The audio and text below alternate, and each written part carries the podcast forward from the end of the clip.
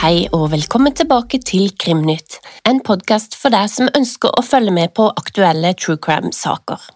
Først skal vi til England. 34 år gamle Jack Benham og 26 år gamle Cyan Hedges ble i mars i år sikta for å ha drept sin ett år gamle sønn. Det var 28. november 2020 at politi og ambulanse ble tilkalt til en adresse i Hernhill, Kent, England, etter å ha fått bekymringsmeldinger om et lite barn. En ett år gammel gutt, Alfie, ble hasta inn til sykehuset for behandling, men livet sto ikke å redde. Jack og Zion hadde omsorgen alene for Alfie da han døde. De bodde i en bobil under covid-lockdown sammen med deres 18 år gamle sønn Alfie. Patologen som obduserte den lille gutten, konkluderte med at gutten døde som følge av skadene han var påført. Foreldrene til Alfie, Zion og Jack ble arrestert, men løslatt til kausjon samme dag.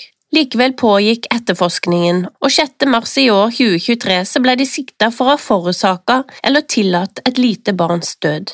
Zion Hedges, guttens mor, sitter i fengsel i Eastwood Park nær Bristol, og Jack Banham, guttens far, sitter i fengsel i Emily i Kent. Rettssaken kommer til å komme opp 3. oktober i år. Den er forventa å vare i tre til fire uker. Nå skal vi til en helt vill sak i USA. Som du hørte forrige uke, så er det nå to rettssaker som går parallelt med to kvinner i hovedrollen, og de er begge sikta for barnedrap. I denne episoden så skal vi se på en sak som allerede har blitt en Netflix-dokumentar. Den tiltalte heter Laurie Vallow. En pen kristen mor fra Chandler, Arizona, USA, med langt, bølgete hår, sitter nå på første rad i retten sikta for drapet på sine barn JJ og Tylee. Det var i 2019 at barna ble meldt savna. Laurie hadde da hatt flere dekkhistorier på hvor barna var. Politiet begynte å nøste i løgnene, og da Laurie ikke kunne vise frem barna på en bestemt dato, så ble hun til slutt arrestert. Historien er komplisert, og kallenavnene på Laurie er mange. Doomsday Mom eller Monster Mom er to av dem. Laurie var gift fire ganger, og den tredje ektemannen, Charles Vallow, ble skutt av hennes egen bror i 2019. I de neste fem månedene dør fem mennesker som er i nær relasjon til Laurie. Før Lauries tredje ektemann ble skutt av hennes bror, hadde Laurie innledet et forhold til gifte Chad Daybell. Chad var en novellist og podcaster som skrev og snakka mye om verdens undergang. Chad hadde et rankingsystem der han delte folk inn i mørke og lyse sjeler. Politiet fant i ettertid et slikt skjema der Laurie hadde ranket sine nærmeste. Charles var visstnok mørk, og hun mente at han var besatt. Netflix-dokumentaren starter med å vise Charles Vallow som kontakter politiet da han er redd for sin kone. Hun har trua med å drepe han, og hun har tatt med seg ungene og dratt av sted. Charles vil ha skilsmisse og frykter sin kone. 11. juli 2019 blir han skutt når han skal hente JJ for å ta han med til skolen. Det er broren til Laurie, Alex, som sier han skjøt Charles i selvforsvar da han mener Charles angrep søsteren inne i huset. Tylee skal ha bekreftet dette. Laurie er nå enke og har et forhold til gifte Chad Daybell. Det varer ikke lenge, for i oktober så blir Chad sin kone Tammy funnet død. Denne gangen trodde de at det var naturlige årsaker. I november 2019 så gifter Shad og Laurie seg. Som nevnt tidligere så har Laurie nå vært gift fire ganger. Med sin første ektemann så fikk hun Colby Ryan. I ekteskapet etter fikk de Tylee, og i ekteskapet med Charles Vallow så adopterte Laurie og Charles JJ. Colby, Tylee og JJ hadde et nært forhold, og spesielt Tylee følte et ansvar for JJ som var autist. Når Laurie og Chad gifter seg i november, er det tre måneder siden JJ og Tylee sist ble sett i National Yellowstone Park. På turen var broren Alex, Laurie, JJ og Tylee med.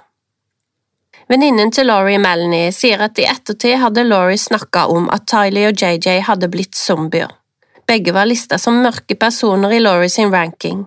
Familien var nå blitt så bekymra, og politiet hadde begynt å undersøke. Laurie sier til alle at barna har det bra, men vil ikke røpe hvor de er. 26. november 2019 blir JJ og Tylee meldt savna, og i februar 2020 så blir Chad og Laurie arrestert. Politiet begynner også å se nærmere på Alec Cox og drapet på Charles. Dessverre døde Alex, Laurie sin bror, i desember 2019. Etter å ha analysert Alex sin telefondata, ser de at han oppholdt seg to timer på Chad Dable sin eiendom da JJ og Tyler forsvant. 8. juni setter politiet i gang et søk i Chad sin bakgård. Der finner de levninger av JJ og Tyler begravet. Tyler i en kirkegård for dyr og JJ er like ved et tre. Likene var forsøkt brent. Dødsårsaken har ikke politiet gått ut med ennå. Lauries rettssak pågår nå, og det blir interessant å følge med om Laurie blir dømt for drapet på sine barn, samt konspirasjon av drap på ektemannen Charles og Chad sin kone Tammy.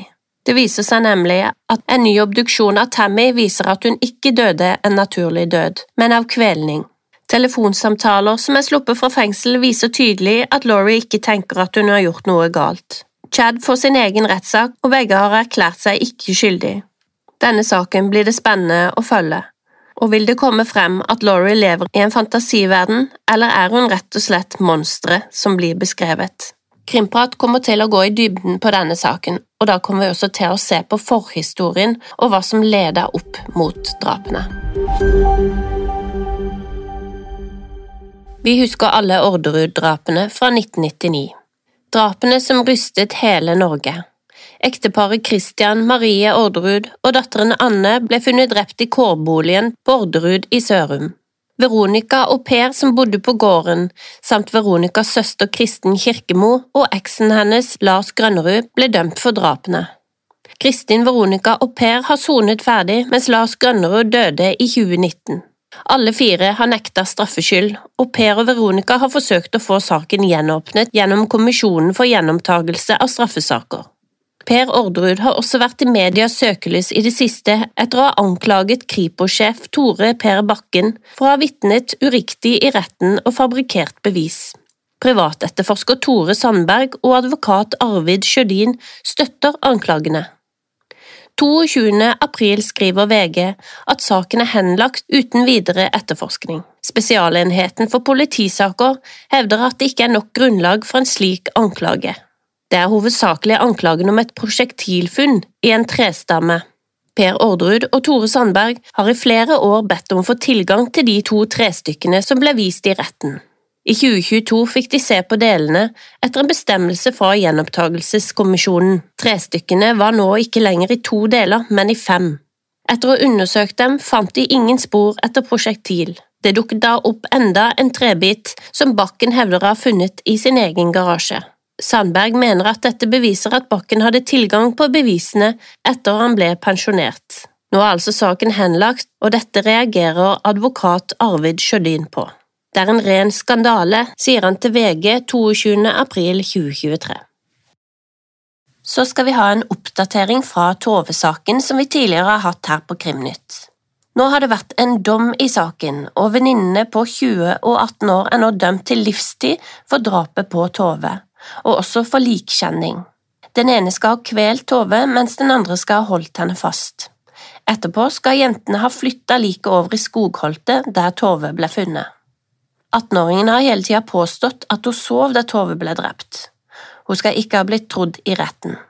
Dette er en historisk dom der det er første gang to kvinner under 20 år dømmes til livsvarig fengsel i Sverige, melder VG 19. april. Det er venta en anke i saken. Det var det vi hadde i Krimnytt i denne omgang, og i neste uke så er vi tilbake med tre nye aktuelle saker. I mellomtida så kan du gå inn på Krimprat med Lise og Fiona og få med lengre historier og også prat omkring sakene.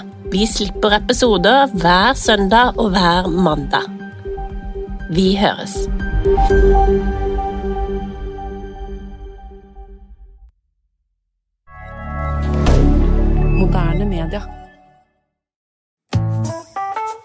Har du et enkeltpersonforetak eller en liten bedrift?